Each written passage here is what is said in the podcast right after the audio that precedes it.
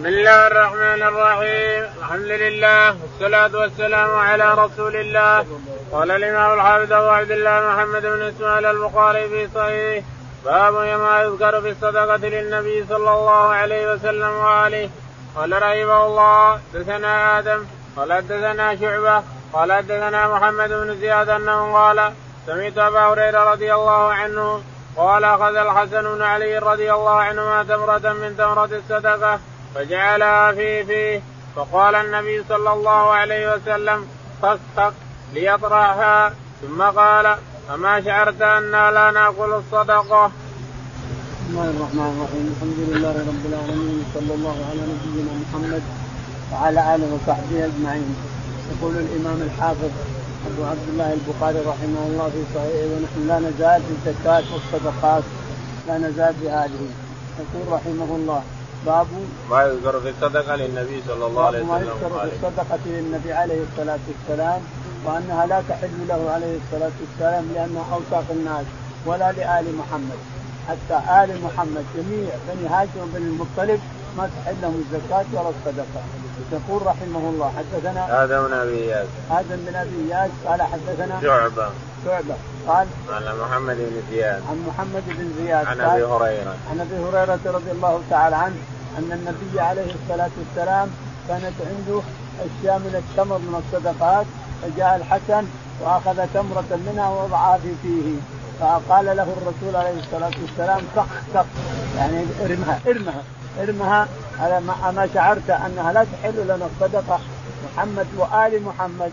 لا تحل لهم الزكاة لأنها اوساخ الناس. الصدقات في كل حال سواء نافلة أو فريضة ما تحل لمحمد ولا لمحمد لأنها اوساخ الناس. من اوساخ الناس نعم. باب الصدقه اليوم هذا هل ال محمد إذا وجدنا من بني هاشم بني المطلب أناس اليوم هل تحل لهم الصدقة؟ تقول نعم لأنهم كانوا أول يأخذون الخمس ومحرم عليهم الصدقات.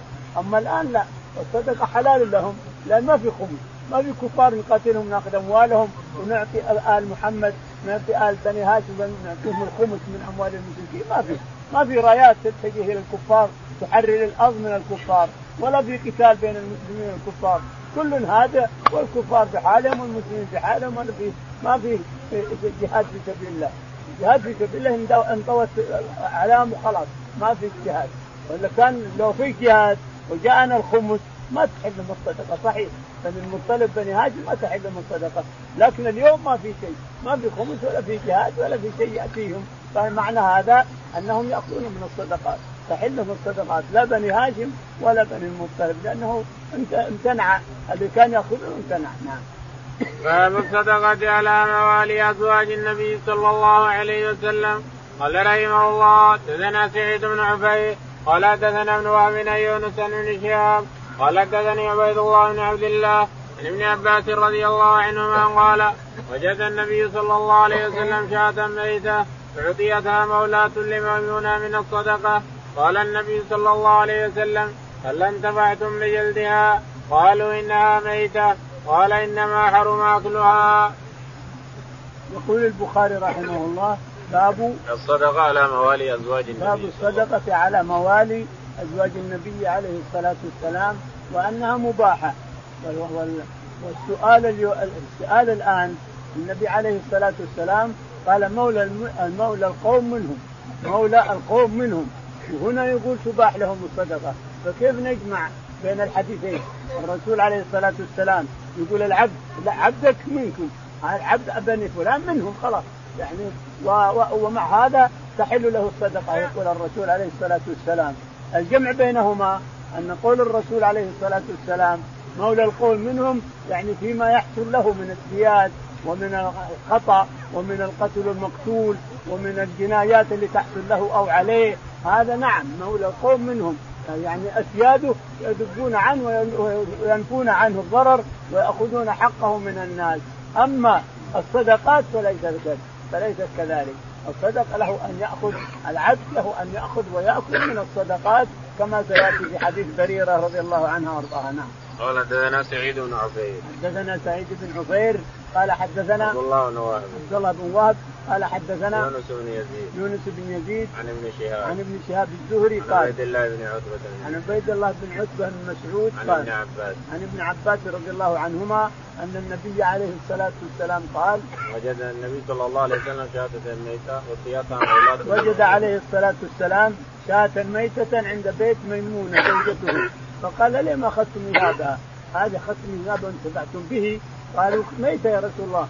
قال شو إنها ميتة لكن هذا يطهر الدباغ. اذبغوا يطهر الماء الجلد يطهره الدباغ.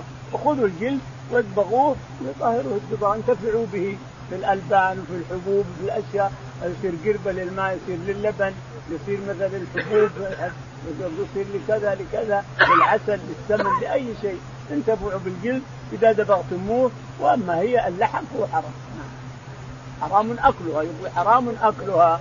أما الانتفاع بجلدها فلا مانع. نعم. قال رحمه الله دثنا آدم قال دثنا شعبة قال دثنا الحكم إبراهيم بن الأسود عن عائشة رضي الله عنها أنها أرادت أن تشتري مريره للعتق وأراد مواليها أن يشترطوا ولاها فذكرت عائشة للنبي صلى الله عليه وسلم فقال لها النبي صلى الله عليه وسلم اشتريها فإنما الولاء لمن أعتق.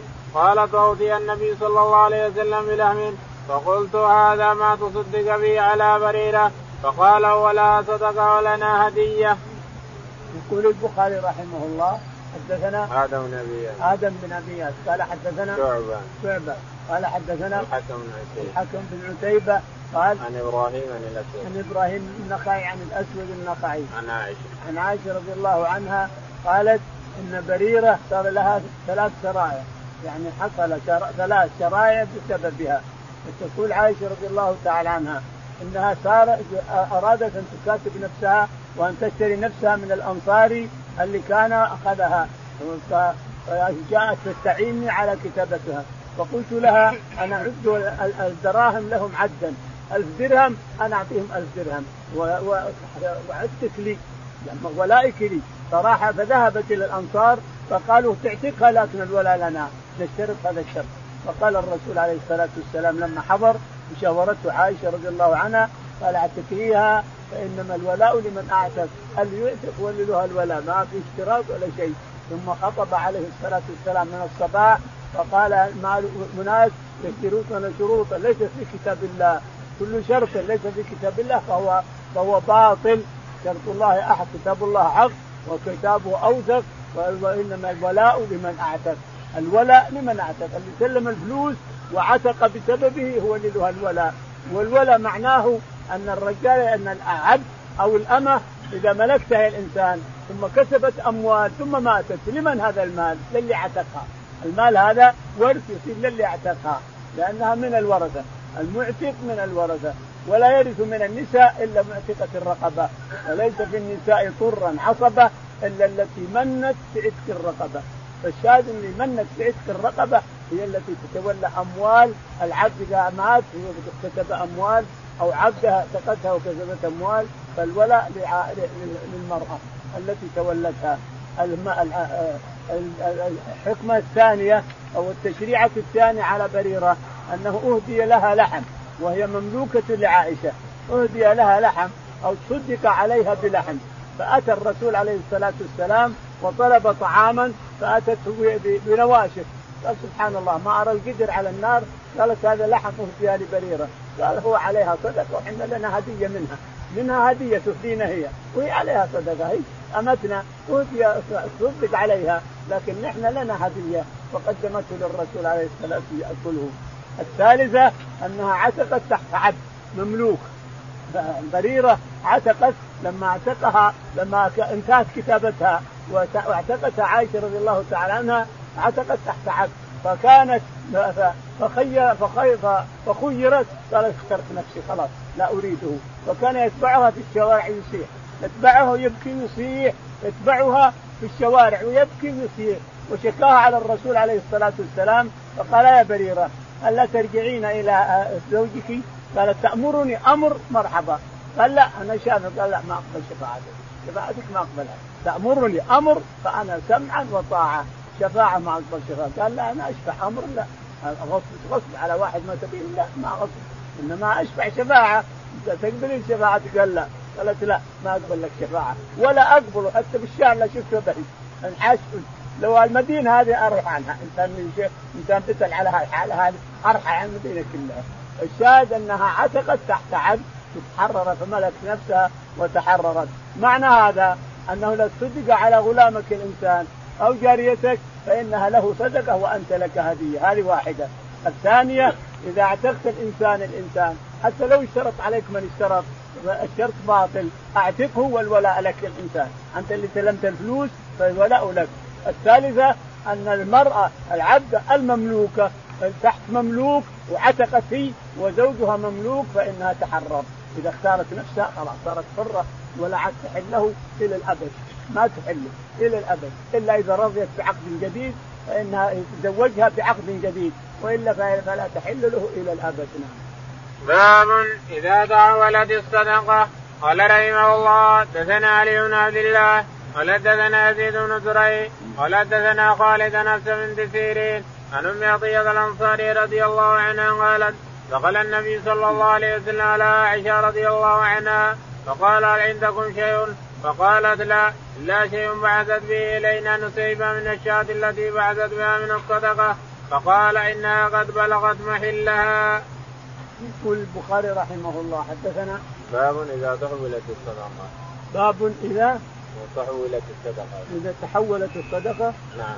تحولت نعم. الصدقة يعني تحولت إلى هبة أو هدية حدثنا علي بن عبد الله علي بن عبد الله قال حدثنا يزيد بن زريع يزيد بن زريع قال عن خالد الحذا قال خالد الحذا قال حفصة بنت سيرين عن محمد بن حفصة بن سيرين قالت عن أم عطية عن أم عطية نسيبه بنت كعب قالت فقال النبي صلى الله عليه وسلم على عائشة فقال هل عندكم شيء؟ فقالت لا.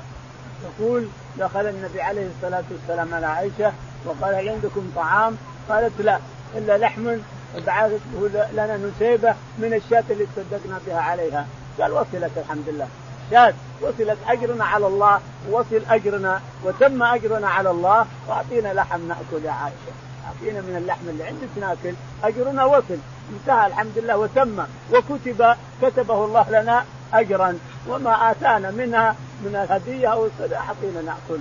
فقدمته له عليه الصلاة والسلام وأكل. انظر السماحه انظر الخلق الحسن. أعطونا. لما رأى قال لا أعطونا. عندكم قدر يا قالت من اللي جاب منك قال أعطينا من هدية.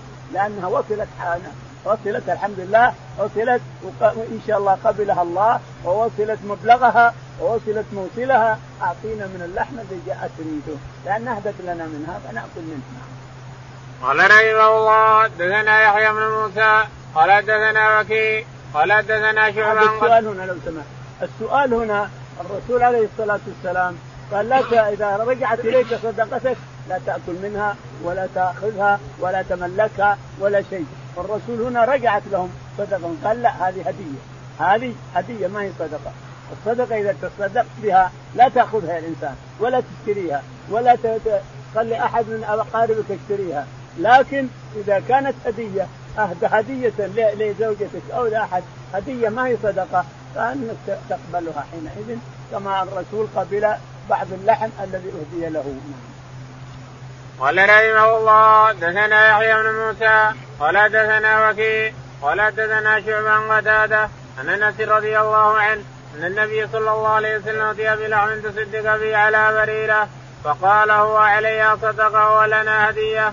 وقال أبو داود أنبأنا شعبا قتادة سمع أنس رضي الله عنه النبي صلى الله عليه وسلم. يقول البخاري رحمه الله حدثنا يحيى بن موسى. يحيى بن موسى قال حدثنا وكيع. وكيع بن الجراح قال عن شعبة. عن شعبة عن قتادة عن أنس عن قتادة عن أنس بن مالك رضي الله تعالى عنه أنه قال تصدق على بريرة بلحم. فأتى الرسول عليه الصلاة والسلام والقدر يطبخ باللحم.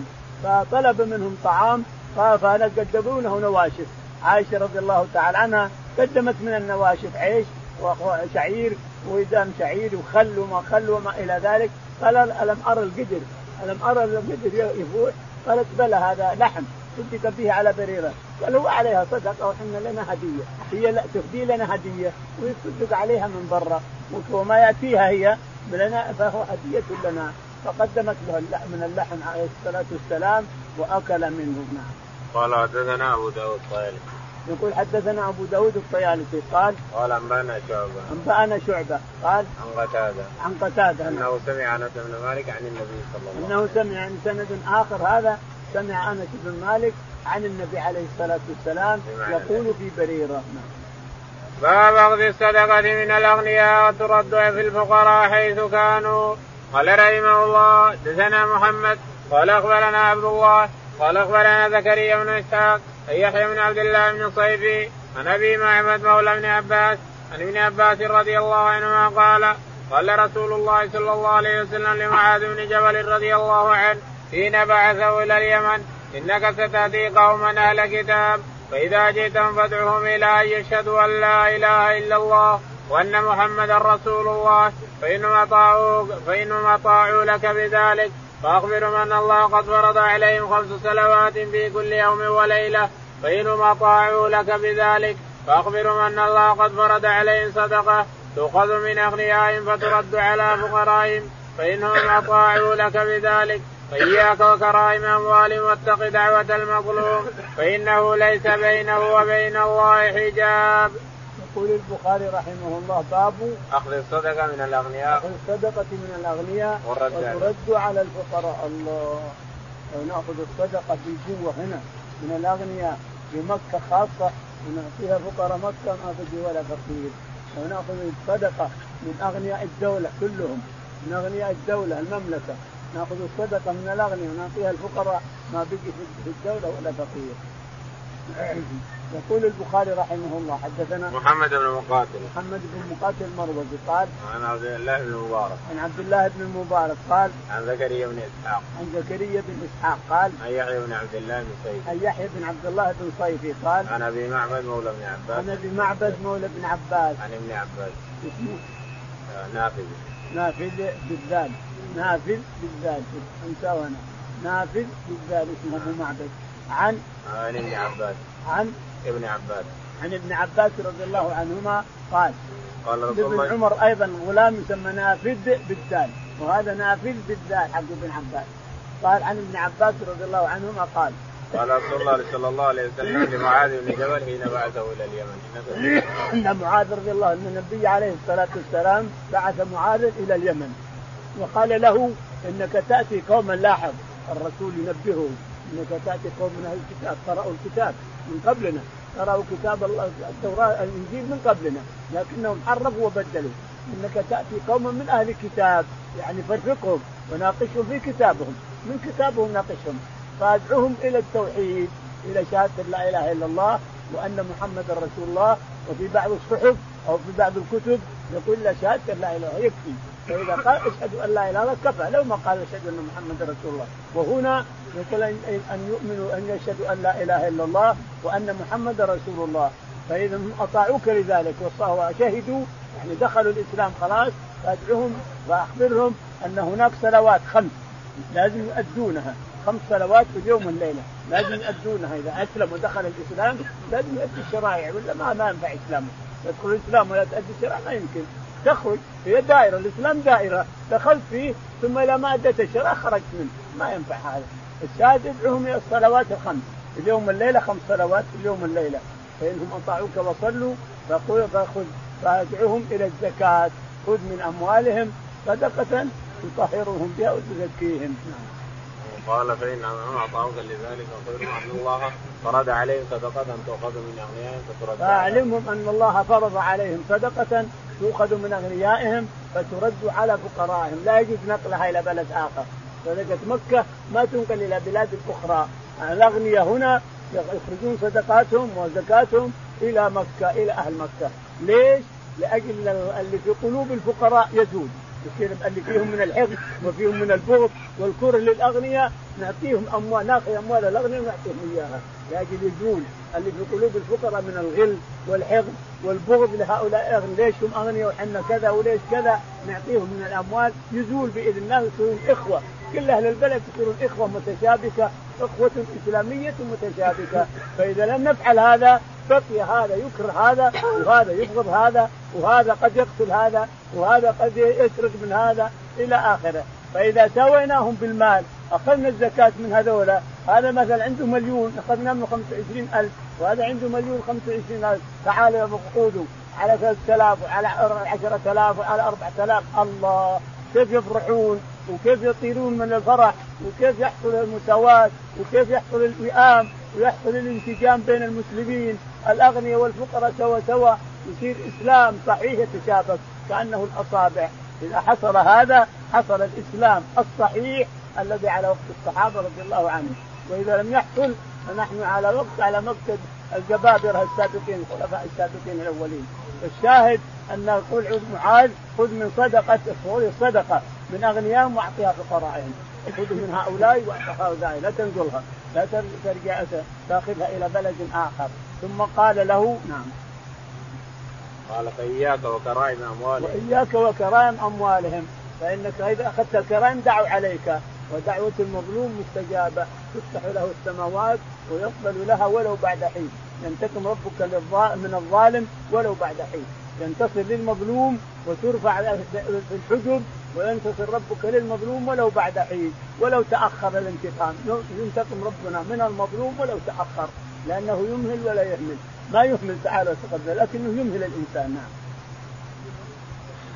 باب صلاة الإمام ودعائه لصاحب الصدقة. وقوله تعالى خذ من أموالهم صدقة تطهرهم بها وتطهرهم وتزكيهم بها وصل عليهم إن صلاتك سكن لهم. قال رحمه الله حدثنا عبس بن عمر قال حدثنا شعبة عن عمرو بن عبد الله بن أبي أوفى رضي الله عنه قال كان النبي صلى الله عليه وسلم إذا أتاه قوم بصدقتهم قال اللهم صل على آل فلان فأتاه أبي بصدقته فقال اللهم صل على آل أبي أوفى. يقول البخاري رحمه الله حدثنا باب صلاة الإمام ودعائه صلاة الإمام على المتصدق اللي يجيب صدقته للناس للمسلمين يدعو له لأن الصلاة دعاء الدعاء صلاة كما ورد وكما مرنا. يقول البخاري حدثنا قوله تعالى خذ من أموالهم صدقة قوله تعالى يعني تفسير قوله تعالى خذ من أموالهم صدقة تطهرهم وتزكيهم بها وصل عليهم يعني ادعو لهم صل عليهم يعني ادعو لهم. فإن صلاتك سكن لهم. سكن يعني اطمئنان ونور. فإن صلاتك سكن لهم. يقول ابن أبي أوفى نعم.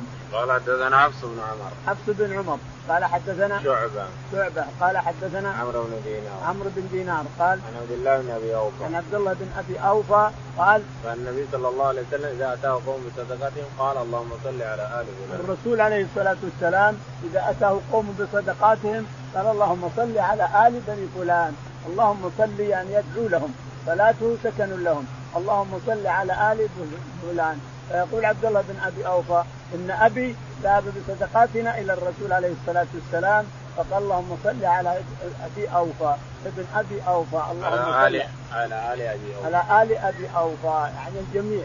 جميع على النساء ورجال تدخل صلاته عليه الصلاة والسلام. باب ما يستخرج من البحر. وقال ابن عباس رضي الله عنهما ليس العنبر بركاز هو شيء انتصره البحر. وقال الحسن في العنبر واللؤلؤ الخمس. وانما جعل النبي صلى الله عليه وسلم في الركاز الخمس ليس بالذي يصاب في الماء. وقال الليث حدثني جعفر بن ربيعة عن عبد الرحمن بن هرمز عن أبي هريرة رضي الله عنه عن النبي صلى الله عليه وسلم أن رجلا من بني إسرائيل سأل بعض بني إسرائيل بان يسلفه الف دينار فدفعها إليه فخرج في البحر فلم يجد مركبا فأخذ خشبة فنقرها فأدخل فيها ألف دينار فرمى بها في البحر فخرج الرجل الذي كان أسلفه فإذا بالخشبة فأخذها لأهله حطبا فذكر الحديث فلما نشرها وجد المال. يقول البخاري رحمه الله باب ما يستخرج من البحر. باب ما يستخرج من البحر. الوريكات كما يستخرج من الأرض الأرض نستخرج منها الذهب نستخرج منها الفضة نستخرج منها المعادن وفيها الخمس كل ما استخرجناه من الأرض ومن الكنوز التي في الأرض فيها الخمس فهل ما يخرج من البحر أيضا؟ البحر فيه محارة محارات لولو. إذا فقعها الإنسان تعالى الله وتقدس تضيء البحر الحرم كله من النور من تسوى ملايين؟ يشترونها الناس ملايين ثلاث ملايين أربعة ملايين المحارة الواحدة. لأنها تضيء ما حولها كله. اللمبة الواحد تضيء ما حولها كله. يسمونها محارة. أهل البحرين يسمونها محارة. إذا كسرتها الإنسان طلع النور تعالى تقدس تسوى ملا يشترونها بالملايين تصل إلى ثلاث ملايين أربعة ملايين الوحدة المحارة. فهو لا شك أنه كنز لكن هذه الخمس هذا شيء آخر. الحسن رضي الله عنه اجتهد اجتهاد. في الركاب في ركاز البحر الخمس هذا اجتهاد. ما ثبت عن الرسول شيء عليه الصلاة والسلام؟ ما ثبت شيء إنما الحسن اجتهد اجتهاد. يقول في ركاز البحر اللؤلؤ والمرجان وما يحصل من فيه الخمس. هذا اجتهاد لكن عن النبي ما ثبت شيء. والعلماء رحمهم الله يقول ليس حق البحر مثل حق الأرض. ما نجد في الأرض نعم فيه الركاز والدفن دفن الجاهلية وغيره فيه الخمس لكن البحر لا. البحر ما جاء فيه حديث أبدا لا ضعيف ولا صحيح. العلماء يجتهدون اجتهادات كل يقول برأيه. قال ابن عباس رضي الله عنهما ليس العنبر بركاز إنما هو شيء ذكره البحر. يقول ابن عباس كل ما على ما على ما يخرج من البحر فليس بركاز وليس من حقه وليس مثل الأرض مثل ما يخرج من الأرض، البحر قد يخرج أشياء كما ذكرت لكم. بعضها ملايين الملايين. ما هو ركاز هذا؟ هذا ملايين تضيء تضيء الأرض كلها. يدخلونها يزودونها ثلاث ملايين أربعة ملايين خمسة ملايين. محارة واحدة. فهو ليس هذا ركاز ولا يسمى ركاز ولا هو من دفن الجاهلية. يقول رحمه الله حدثنا وقال الحسن في العنبر واللؤلؤ الخمس فإنما وقال الحسن في العنبر اللي يخرج العنبر هذا اللي يأخذونه الناس عنبر. واللؤلؤ يقول فيه الركاز لأنه من دفن لأنه من دفن البحر. لأن البحر لا يقاس على دفن البر. دفن البحر لا يقاس على دفن البر. يعني فيه فيه كنوز. البحر فيه كنوز تعالى الله وتقدس. لو يطلعونها الناس كان اغلت العالم كلهم في كنوز البحر. لكن ما ما أحد ما كل أحد يقدر. إذا قال بحار اللي يعرفونه اللي يسمونه معلم معلم ممتاز معلم ممتاز. هو اللي يستخرج المحارات هذه يستخرج اللولو النظيف يستخرج كذا يبيعونه إلى آخره. الشاهد ما في البحر من اللؤلؤ والمرجان وغيره من من الشيء اللي يسوى أغلى من الذهب والفضة. بعضها أغلى من الفضه اللؤلؤ بعضه أغلى من الذهب والفضة. كذلك المرجان كذلك الياقوت كذلك كل ما يخرج من البحر من المعادن بعضها أغلى من الذهب والفضة. وش الذهب والفضة؟ يشترونها بذهب وفضة أغلى منها. فالشاهد إنها ليس من الكنوز التي يؤخذ عليها الخمس وإن كان الحسن يقول هذا لكن هذا رأي. والعلماء يخالفون الحسن بكثير من المسائل. نعم. وقال الليث حدثني جعفر بن ربيعه. وقال الليث حدثني جعفر قال حدثنا عبد الرحمن بن هرمز. عبد الرحمن بن أبي عبد الرحمن بن هرمز.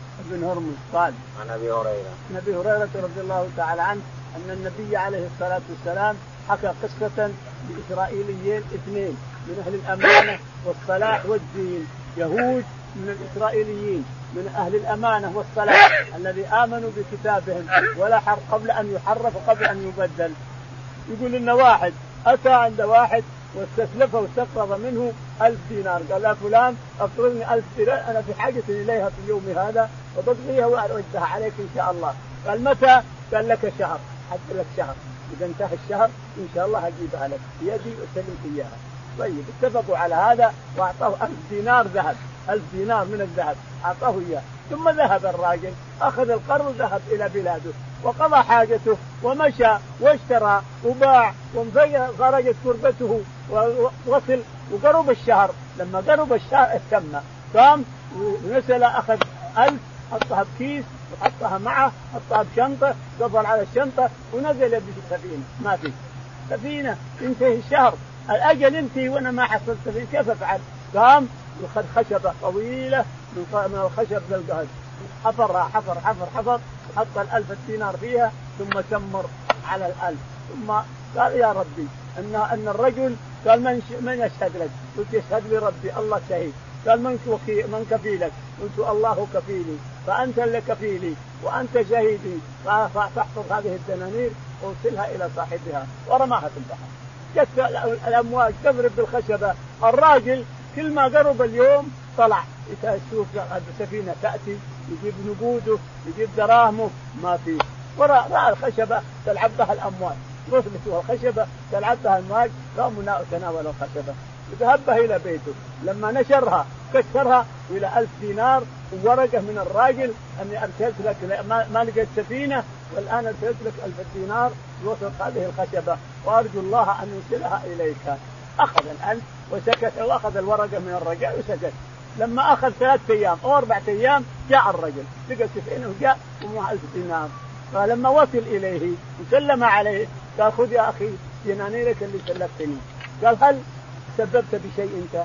أرسلت ألف دينار قال أقول لك ما لقيت سفينة؟ وتقول قال طيب انت ما تسببت بشيء ما عملت حاجة؟ قال ما لقيت سفينة حتى اجيت قال أجل ربك طبعا. ربك تولى القضاء عنك ربك فاخرجني الألف دينار وربك قضى قضى عنك. خلاص ما عاد أقبلها. ارجع الدراهم شوف الأمانة سبحان الله العظيم.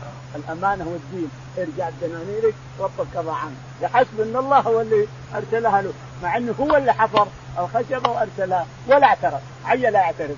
قال أنا أقول لك ما لقيت سفينة. قال أجل ربك قضى عنك. ارجع. ارجع دراهمك مع الفرج. رجع بدراهمك. كان من ركاب في أرض الحرب ففيه الخمس وما كان من أرض السلم ففيه الزكاة وإن وجدت اللقطة في أرض العدو فعرفها وإن كانت من العدو ففيها الخمس. وقال بعض الناس المعدن ركاز مثل دين الجاهلية لأنه يقال أركز المعدن إذا خرج منه شيء قيل له قد يقال لمن وهب له شيء أو ربح ربحا كثيرا أو كثر ثمره. أركزت ثم ناقص. وقال لا بأس أن يكتمه. فلا يؤدي الخمس قال رحمه الله من يقول؟ لا بأس أن يكتمه. إيه، وقال بعض الناس رجال أبو حنيفة رحمه الله. امهله البخاري؟ ما بين اسمه. قال بعض هو أبو حنيفة رحمه الله. قال رحمه الله قيامة الأحناف. ليش يقول وقال بعض الناس؟ قال حدثنا عبد الله بن يوسف. قال أخبرنا مالك بن شهاب سعيد بن المسيب وعن أبي سلمة بن عبد الرحمن عن أبي هريرة رضي الله عنه إن رسول الله صلى الله عليه وسلم قال الاجماع جبار والبئر جبار والمعدن جبار وفي الركاز الخمس. يقول البخاري رحمه الله باب في الركاز الخمس. في الركاز الخمس، الركاز هو دفن الجاهلية ما عليه علامات إسلام اطلاقا فإن كان عليه علامات إسلام فهو لقطه إن كان عليه عليه علامات إسلام مثل لا إله إلا الله محمد رسول الله أو مثل محمد رسول الله بل لا إله إلا الله أو مثل ضرب هذا ضربت هذا في وقت الخليفة فلان بن فلان من المسلمين فهذا يعطى منه الزكاة. هذا ليس بركاز وإنما لقطة يؤخذ منها الزكاة. كل كل 200 يؤخذ منه خمسة. كل 100 درهم يؤخذ منها خمسة. وكل 12 دينار يؤخذ منه ربع العشر إلى آخره. من الزكاة. يؤخذ زكاة لا يردم فإن كان ما عليه علامات الإسلام وإنما عليه علامات الجاهلية لا إله إلا الله موسى كليم الله. لا إله إلا الله كذا وكذا. فهذا من دفن الجاهلية هذا فيه الخمس هذا إذا وجده يأخذه ويصل كل خمسة دراهم أو كل خمسة دنانير فيها واحد للحكومة. الحكومة من توليه الأمر في وقته إذا وجده. فالشاهد أن الركاز فيه الخمس نعم. وقال مالك وابن إدريس الركاز دهن الجاهلية. وقال مالك رحمه الله وابن إدريس عبد الله الركاز هو دفن الجاهلية لا شك. جميع علماء الإسلام يرون أن الركاز أنه دفن الجاهلية. إذا كان عليه اسم موسى أو عليه اسم داوود عليه السلام أو عليه اسم من سبق النبوة نبوة الرسول عليه الصلاة والسلام أو سبق مثلا قريش السابقين منهم سبقهم هذا كله وعليه علامة الجاهلية فهو ركاز. فإن كان لا عليه علامة الإسلام فهو لقطة فيه الزكاه وإلا ففيه الخمس إلى آخره. هذا معروف. نعم. قال وليس المعدن بركاز. وليس المعدن المعادن عاد ليست ركاز. البنزيم الأسود هذا والذهب الذي يأخذ الحكومة من من المهد كانت تأخذ الحكومة ذهب أحمر بترابه من المهد هنا مسافة ثلاث ساعات للسيارة. هذا ما يسمى هذا يسمى ما, ما يسمى ركاز. هذا يسمى من المعادن معدن معدن ذهب أو معدن فضه أو معادن الملح هذه اللي يأخذها الحكومة وتوزعها وتبيعها. فروش الفرش أكثر من متر أكبر من المتر. فرش تشيله الإنسان كله. أما ملح البحر فهذا ما يسمى ملح تجوزا وإلا فهو مر. لكن الملح الصافي اللي في المعدة في الأرض في التراب وتحت يحفرون الناس الآن البوادي والقرى يحفرون الأرض ثم يخرجون اللوح. اللوح يخرجونه يخرجون اللوح الثاني والثالث. هذا هذا طول اللوح لوح الملح. يكسرونه عاد يبيعونه على الناس. الشاهد ان الملح هذا معدن لا شك في هذا من المعادن نعم. قال النبي قد قال النبي صلى الله عليه وسلم في المعدن جبار. في المعدن جبار. يعني إذا إذا طاح فيه شيء ان نحفر بير. نحفر مثلا الملح أو نحفر الذهب وصار بير وطاح فيه إنسان ومات ما عليه فيه ما له فيه ليش؟ لأنه جبار، البئر جبار والناقة جبار والماء والبهيمة جبار إلى آخره، جبار يعني هدر ما له فيه. وأخذ عمر بن عبد العزيز من المعادن من كل 200 خمسة. وأخذ عمر رضي الله عنه بن عبد العزيز من المعادن كل 200 خمسة دراهم، كل 200 درهم خمسة دراهم على الزكاة يعني. وقال الحسن ما كان من ركاز في أرض الحرب ففيه الخمس. يقول الحسن البصري ما كان من ركاز في في في بلاد الحرب ففيه ففيه الخمس لأنه عنده إنه من قسم الجاهلية. يعني عنده إنه ركاز. كل ما كان في أرض الجاهلية أو في أرض الكفار فهو ركاز لا لقطة. وما كان في أرض الإسلام فهو لقطة. ما كان لقطة ففيه الزكاة. وما كان في أرض الكفار فهو ركاز فيه الخمس للحكومه وما كان من أرض السلم ففيه الزكاة. اللي في السلم يعني الدول الإسلامية ففيه الزكاة زكاته 200 كل 200 في خمسة كل 12 دينار فيه ربع العشر إلى آخره. وإن وجدت اللقطة في أرض العدو فعرفها. وإن وجدت اللقطة في أرض العدو فعرفها لئلا تكون لمسلم من يدري. يعني وجدت دراهم في أرض العدو فخذها وعرفها عرفها كما تعرف اللقطات الأخرى. من يدري لو هي لمسلم ومحتاج إليها وقد يأتيك ويأخذها ويدعو لك الإنسان. ما حد يدري. المهم تعرفها يا الانسان وإن كانت من العدو ففيها الخمس. وإن كانت للعدو وأخذتها الإنسان لو لم يأتي أحد ففيها الخمس. فيها خمس منها للحكومه وقال بعض الناس المعدن ركاز يقول الحنفي أبو حنيفة رحمه الإمام أبو حنيفة البخاري يمهله. وقال بعض الناس لأنه لا يرى بعض الفقه. تفقه أبي حنيفة رحمه الله تفقه واستنتاجه للكتاب والسنة واستنتاجه لكذا. ما يرى البخاري أن هذا الاستنتاج مصيب. ما يرى صايب. ولهذا يمهل اسمه يكتب اسمه ويقول قال بعض الناس وهو الإمام. الإمام العلامة رحمه الله النعمان. النعمان بن ثابت أبو حنيفة رحمه الله أول إمام للمسلمين. اول إمام للمسلمين وهو في القرن الأول ولد في القرن الأول ومات في الوسط الثاني إلى آخره. فالشاهد البخاري له رأي رحمه الله. أما نحن فنحن نعظمه ونجله رحمه الله. إمام علامة رحمه الله النعمان بن ثابت ما حد ينكر فضله ولا حد ينكر فقهه ولا حد ينكر ما كان عليه من الدين والتقوى ودعوه ودعوه الدعوة إلى الله تعالى وتقدس ينكر عليه بعض الناس بعض ما يقال لك الله أعلم صح أو صح. ما ندري هل صح ما يقال عنه أو لم يصح. فالشاهد أنه إمام نبرئه ولا نكتم شيئا لمن سبقونا. بل نقول ربنا اغفر لنا ولإخواننا الذين سبقونا بالإيمان. هذا ما نقول أمام ربنا تعالى وتقدس. ونبرئ كل إنسان من كل ما اتهم إذا لم يقم ببينة. كل ما اتهم إنسان فنحن نبرئه من التهمة إلا أن يقوم بمجموعة تشهد عليه وإلا فنحن نبرئ الإمام أبو حنيفة من كل ما نسب إليه لأنه لم يثبت عندنا هذا ونحن نستغفر له ونستغفر لنا وربنا اغفر لنا ولإخواننا الذين سبقونا بالإيمان ولا تجعل في قلوبنا غلا للذين آمنوا. جميع من سبقنا والإمام نعظمه رحمه الله أبو حنيفة يكفي فضله وفخره على الناس وأنه أسند الفقه أسند لهم الفقه وابقى لهم الفقه. نعم أن الفقهاء الإمام مالك له فقه رحمه الله والإمام أحمد له فقه والشافعي له فقه. لكن فقه أبي حنيفة أكثر. فقه أبي حنيفة هو طوف العالم كله من الشرق إلى الغرب. فقه أبي حنيفة لأنه قليل الاحاديث ولكن فقهه طوف العالم كله فهو إمام من الأئمة رحمه الله. نعم. وقال بعض الناس المعدن ركاز مثل وقال أبو حنيفة المعدن ركاز. يعني المعدن اللي نلقاه هو عنده أنه ركاز. يعني ما هو ما فيه الخمس عنده ركاز فيه الخمس المعدن فيه ركاز فيه الخمس نعم. قال لأنه يقال أركز المعدن إذا خرج منه شيء. عادها صرفه في النحو يقول لأنه يقال أعدن الشيء أعدنه يعدن إعدانا فهو معدن. يعني معدن من الأرض خرج من الأرض. معدن من الأرض أخرجته الأرض نبت من الأرض. نعم. يقال لمن وهب له شيء أو ربح ربحا كثيرا أو كثر ثمرته أركلت ثم ناقص. يقول أركلت ثم ناقص يعني ناقلت يعني صرت غني ثم غني بعد ذلك الشاهد أن الركاز معروف أبو حنيفة يرى أن كل ما وجدته الإنسان أنه من الركاز يعني تخرج الخمس. وقال لا بأس أن يكتمه فلا يؤدي الخمس. أبو حنيفة يقول لا بأس أنت لقيت لك صندوق فيه ذهب مليان ذهب اكتمه ولا تبينه للناس. قال حدثنا هذا عند أبي حنيفة ترى. يقول اكتم ولا تبينه للناس ولا تعطي أحد. لا تعطي الناس ولا تبين الحكومة تاخذ منك جبره تأخذ غصب. قد لا تكتفي. قد لا تكتفي الحكومة اذا بينته ما تكتفي بالخمس يقول لا أنت كاذب وهذا لنا والأرض لنا وهكذا.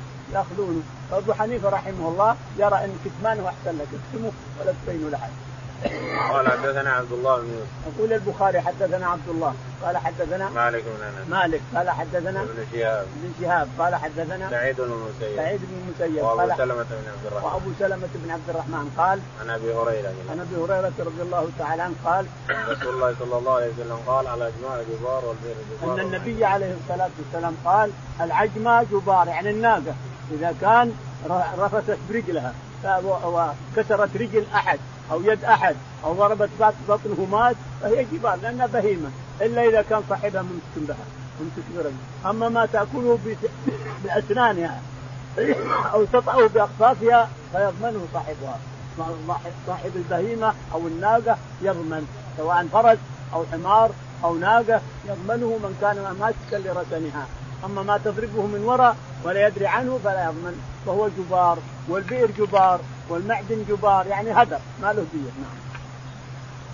باب قول الله تعالى والعاملين عليها ومحاسبة المصدقين مع الإمام قال رحمه الله دثنا بن موسى قال حدثنا أبو أسامة قال أخبرنا هشام بن عروان أبي عن أبي حميد الساعدي رضي الله عنه قال استعمل رسول الله صلى الله عليه وسلم رجلا من الأسد على صدقات بني سليم يدعى ابن اللتني يدعى يدعى ابن اللتيبية فلما جاء حاسبه. يقول البخاري رحمه الله باب قول الله تعالى باب قول الله تعالى. عليها. نعم. والعاملين عليها. والعاملين عليها وفي الرقاب والغارمين وفي سبيل الله وفي سبيل ثمانية أصناف عدهم الله تعالى وتقدس لا تجوز الزكاة إلا عليهم. الزكاة المفروضة لا تصح إلا على هؤلاء وهم ثمانية أصناف. ثمانية الفقير فقير والمسكين مسكين خلاص. والعامل عامل إلى آخره. ثمانية اصناف من بني آدم هي اللي تحل لهم الزكاة هذه هؤلاء الاثنان يقول البخاري رحمه الله. ومحاسبة ومحاسبة المصدق يعني اللي يذهب يصدق يأخذ الصدقات من الناس يحاسبه الامام لازم الامام يحاسبه لأنه قد يخفي شيء من يدري؟ ابن الزكبية أخفى قال للرسول عليه الصلاة والسلام هذه صدقاتكم وهذا أهدي إلي. فسبحان الله سبحان الله. هلا جلست.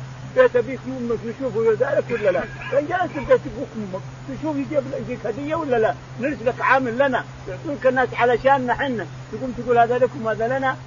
سلم كل اللي معك. سلموا كل اللي معك. اجلس غير المرة بيت أبوك وأمك ونشوف. يخدي لك أحد ولا لا؟